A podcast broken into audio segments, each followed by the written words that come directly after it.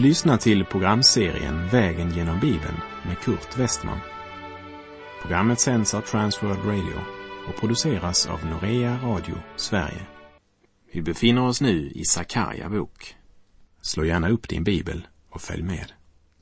På vår långa vandring, vägen genom Bibeln, så har vi hunnit till profeten Sakarja bok. Sakarja, det betyder Herrens åtanke eller Herren tänker på eller Herren kommer ihåg. Sakarja samlar kärnan i alla tidigare profetiska budskap och lyser med gudomlig klarhet som en profetisk strålkastare som mycket tydligt lyfter hela Gamla testamentets budskap in i en nytestamentlig dimension. Han började sin verksamhet två månader efter Hagai och hans bok består av många innehållsrika syner som sammanfattar det mest väsentliga av Guds rike i alla tider. Vi får veta att han är son till Berekja och Berekja betyder Herren välsignar. Och Sakarja farfar, han hette Iddo som betyder den fastställda tiden. Herren tänker på, Herren välsignar, den fastställda tiden. Dessa namn med sin innehållsrika betydelse säger ganska mycket om den tröst och uppmuntran som Gud gav den lilla rest som hade återvänt till Jerusalem efter fångenskapet i Babel. Herren kommer ihåg och välsignar på den fastställda tiden. Även om Sakarja var ett ganska allmänt namn bland hebreerna på den tiden. Gamla testamentet nämner faktiskt 28 olika Sakarja. Men det är många bibeltolkare som identifierar Sakarja i profeten Sakarja bok med den Sakarja som Jesus omtalar i Matteus 23.35. Han som blev martyr. Han blev mördad mellan templet och altaret. Något annat som är värt att lägga märke till, det är att Sakarja bok praktiskt sett avslutar det gamla testamentet. Den är ju den näst sista boken i Gamla testamentet. Och vi lägger märke till att Lukas evangelium i Nya testamentet börjar kronologiskt med att Lukas beskriver en annan Sakarja som i den grekiska översättningen kallas Sakarias, men det är alltså samma namn. Och jag påminner om att Sakarja betyder Herren kommer ihåg och hans hustru Elisabet som betyder Gud är ed eller Guds ed. Sakarias var en präst som när han tjänade vid rökofferaltaret fick se en ängel uppenbara sig för honom med ett budskap från Gud. Efter 400 års tystnad så talar Gud. Än en gång skedde det att Gud kom ihåg sin ed. Sakarja profetior blev skrivna år 520 före Kristus. Sakarja verkade alltså vid samma tid som profeten Hagai, även om Sakarja tydligen var mycket yngre. För i Sakarja 2, vers 4, där den ängel som står inför Sakarja får följande order av en annan ängel. Skynda iväg och säg till den unge mannen Jerusalem ska ligga som en obefäst plats på grund av den stora mängd av människor och djur som finns där inne. Och den som omtalas som den unge mannen, det är alltså Sakarja. Ängeln kallar Sakarja för den unge mannen. Och i Esra kapitel 5, vers 1 läser vi Och profeten Hagai och Sakarja, Iddos son, profeterade för judarna i Juda och Jerusalem i Israels Guds namn som de var uppkallade efter. Det som kännetecknar Sakarja bok, det är att den huvudsakligen präglas av apokalyptisk karaktär. Det vill säga att eh, uppenbarelsen om ändetiden står centralt. Synerna i Sakarja kan påminna om de vi finner i Daniels bok, i Hesekiels bok och Uppenbarelseboken. Daniel och Hesekiel, de blev båda födda i Israel, men deras böcker blev skrivna utanför landet, medan Sakarja blev född utanför Israel vid Babels kanaler, men skrev ner sitt budskap i landet. Sakarja har fler Messias-profetior än någon av de andra småprofeterna. Och han bär fram budskapet i en mörk och svår tid, präglad av motgång och missmod, som gjorde det återvändande modlösa och förlamade både hoppet och handlingskraften. Och mitt i detta mörker såg han Guds härlighet och förmedlade visioner fyllda av hopp och förväntan. Därför är Sakarja en viktig och intressant bok. Även om Sakarja verkade vid samma tid som profeten Haggai så står hans bok i en viss kontrast till Haggai profetbok. Det är tydligt att dessa två profeter kände varandra och profeterade för samma folk vid samma tid och ändå är deras profetior så olika som de kan vara. Och rent bokstavligt talat så står deras budskap århundraden, för att inte säga årtusenden från varandra. Även om det blev talat till samma folk vid samma tid. Men det var alltså budskap med helt olika tidsperspektiv. Haggai befann sig vid templets grundmur och mätte den. Han var en jordnära pragmatiker, i högsta grad en mycket praktisk man. Hans budskap gällde huvudsakligen den aktuella tidsperioden. Sakarja svävade ganska högt. Han befann sig så att säga på en annan våglängd. Var och en som får tio syner i loppet av en natt är ju mer eller mindre unik i sin kallelse och tjänst. Vi kan säga att Sakarja är fullt ut en visionär, medan Hagai är praktisk till fingerspetsarna. Tillsammans utgör de både huvud och händer i Guds församling. Ändå talade de båda Guds budskap till samma folk vid samma tidpunkt angående samma problem. Och båda dessa profeter talar till oss som lever idag, men var och en av dem på sitt sätt, som utfyller och balanserar. Och när jag ser hur Gud använde dessa två så totalt olika personer för att tjäna Gud och Guds folk kan jag inte annat än tänka på att Jesus också sände sina lärjungar två och två. I Markus kapitel 6 och vers 7 läser vi. Och han kallade till sig de tolv och sände ut dem två och två och gav dem makt över de orena andarna när Jesus sänder ut sina lärjungar med budskapet om omvändelse, vilket är samma budskap som Jesus själv predikade, då sänder han dem alltså två och två. De utfyller varandra, uppmuntrar varandra och inte minst viktigt, de balanserar varandra.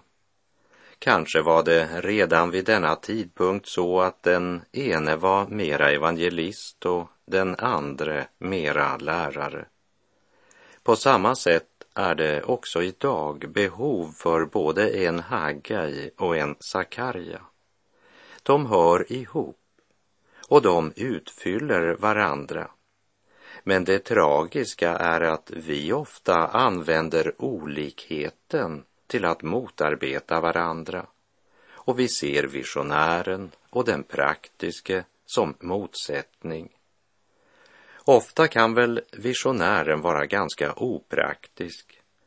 Men å andra sidan så kan väl det som är väldigt praktiska ofta sakna visioner. Båda har sina svagheter, men båda har också sin styrka. Och den här kombinationen, den är nödvändig om Guds församling ska finna balansen mellan å ena sidan drömmar och svärmeri och å andra sidan ritual och former som styvnar så att man blir bunden i tradition och människobud. Så när dessa två, pragmatikern och visionären, får fungera tillsammans får vi en välsignad och fruktbärande kombination. Vi läser i Första Korinthierbrevet 12, vers 12 till 14. Ty liksom kroppen är en och har många lemmar, men kroppens alla lemmar, och det är många, utgör en kropp. Så är det också med Kristus. I en ande har vi alla blivit döpta för att höra till en kropp vare sig vi är judar eller greker, slavar eller fria. Och alla har vi fått en och samma ande utgjuten över oss. Kroppen består ju inte av en enda lem, utan av många.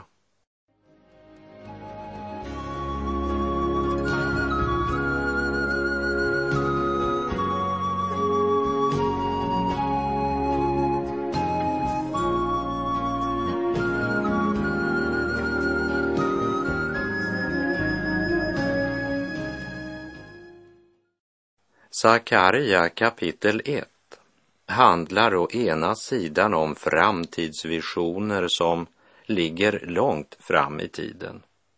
Samtidigt handlar den också om det ansvar den enskilda människan har i ögonblicket.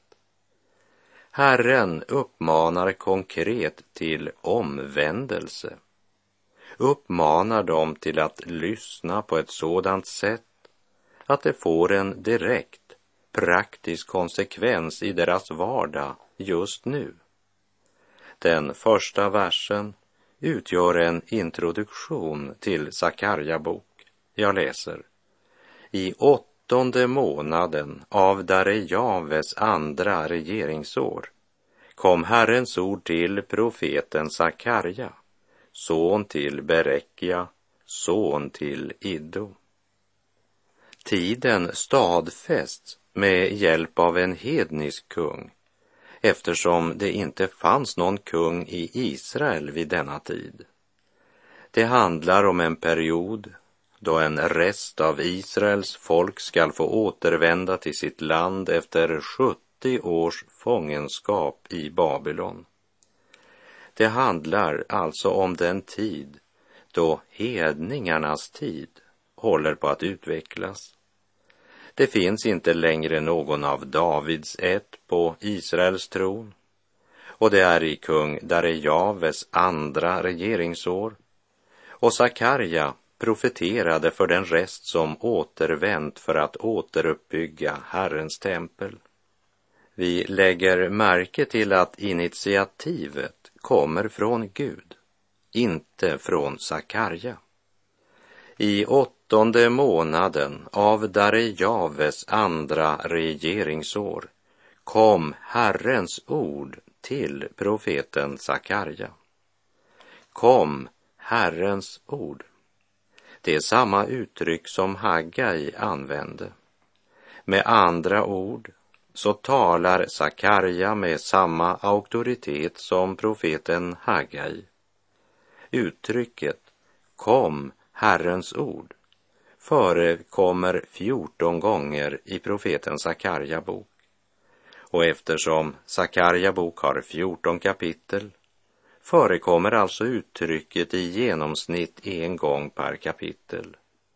Vilket säger oss att denna bok fokuserar mycket klart på Herrens ord. Andra versen börjar med den varning Gud gav folket genom profeten Sakarja. Och med samma auktoritet som Haggai talar han Herrens ord och varnar den rest som återvänt att inte följa i sina fäders fotspår. För det var ju fädernas synder som hade fört folket bort i fångenskap till Babel. Det var inte bara templet som skulle återuppbyggas, men det viktigaste, det var att Gud fick göra något nytt i deras hjärtan. Vers 2 säger, Herren var vred på era fäder. Sakarja påminner folket om att orsaken till att de varit tvungna att leva i fångenskap i Babel, det var att deras fäder hade vänt Gud ryggen och levt i synd. Därför varnar han dem för att göra samma misstag som fäderna. Sakarja kapitel 1, vers 3.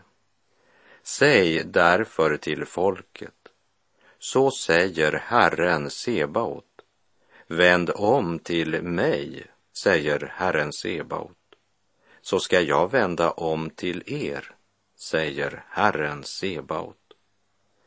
Herren Sebaot, denna titel för Gud, det blir så lätt för en kliché för den som hört det uttrycket ofta. Låt mig ge dig ett exempel som Sven Reichman berättade i Skellefteå.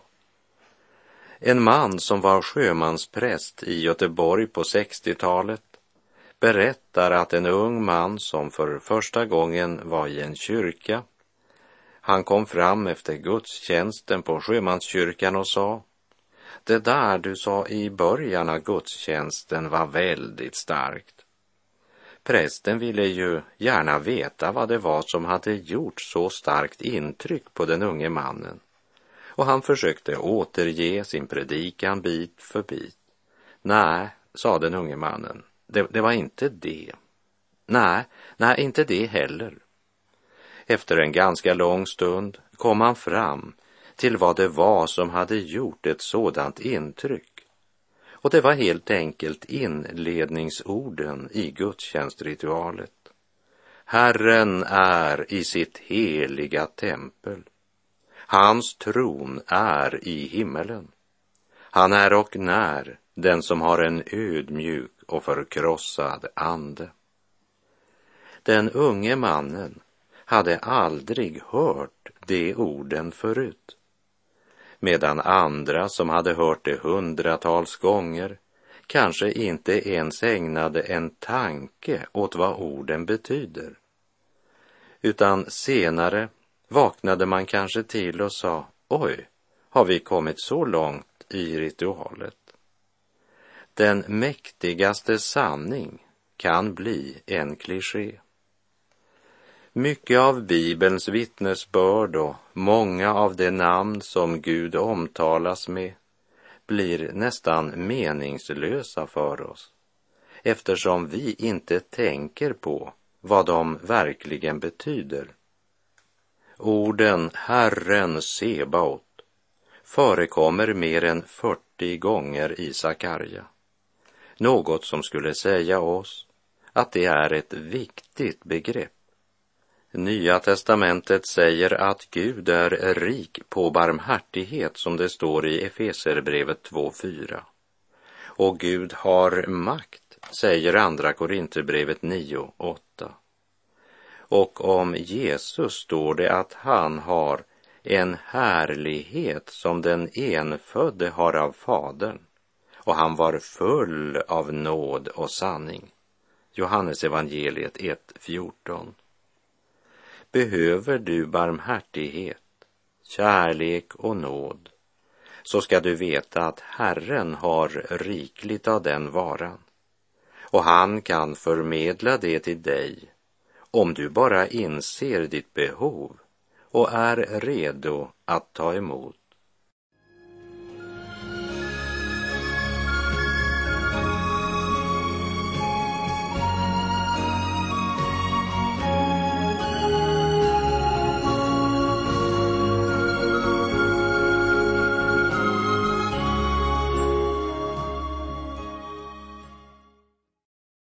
Vi läser Sakarja kapitel 1, vers 4.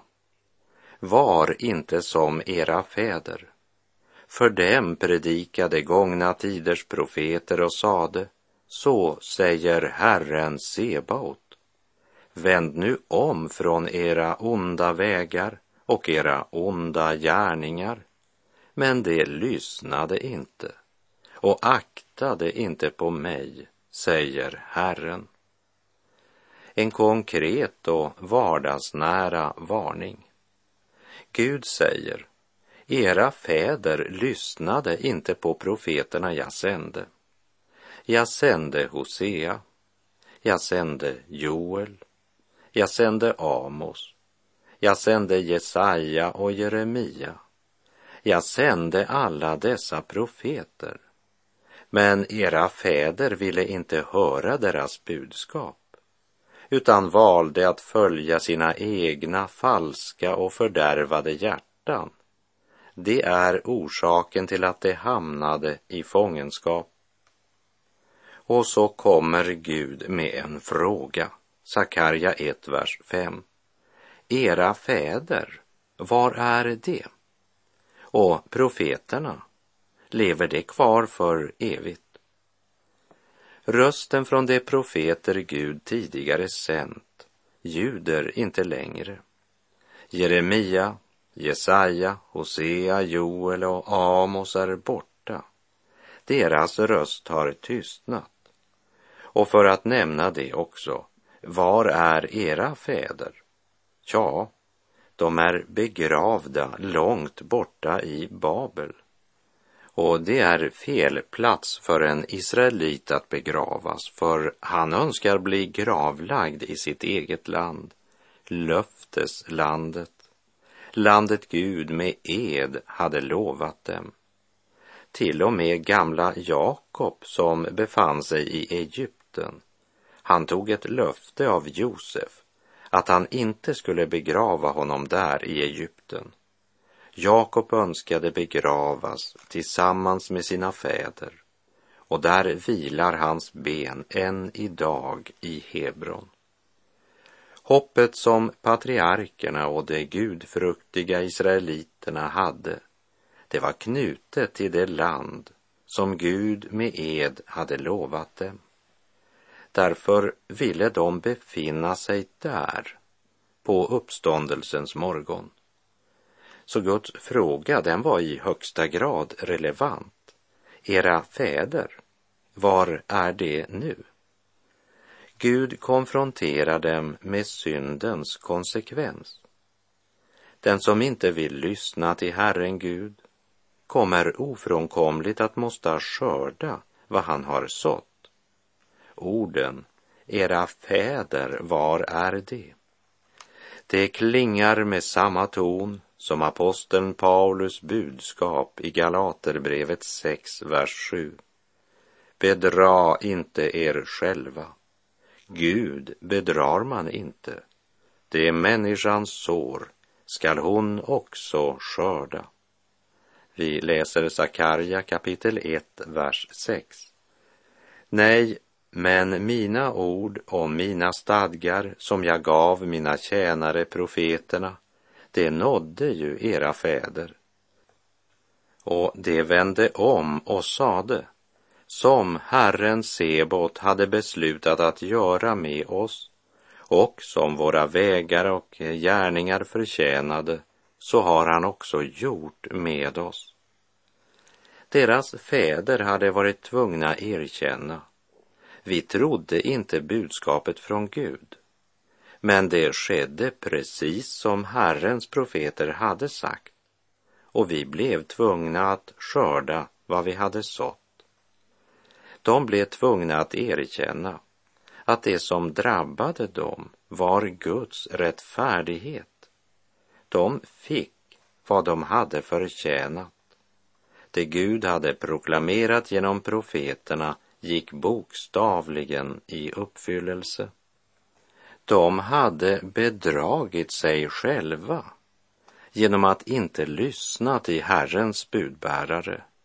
Men Gud kunde de inte bedra. Och nu varnas folket genom profeten Sakarja.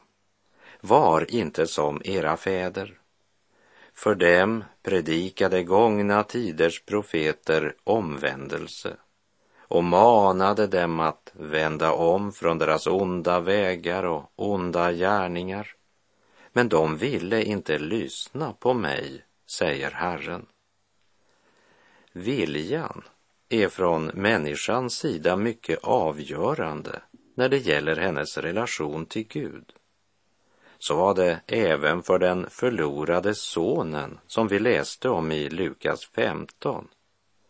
Han hade upplevt mycken förnedring, smärta, ångest, tomhet och förtvivlan innan han sa Jag vill stå upp och gå till min far, som det står i Lukas 15, vers 18.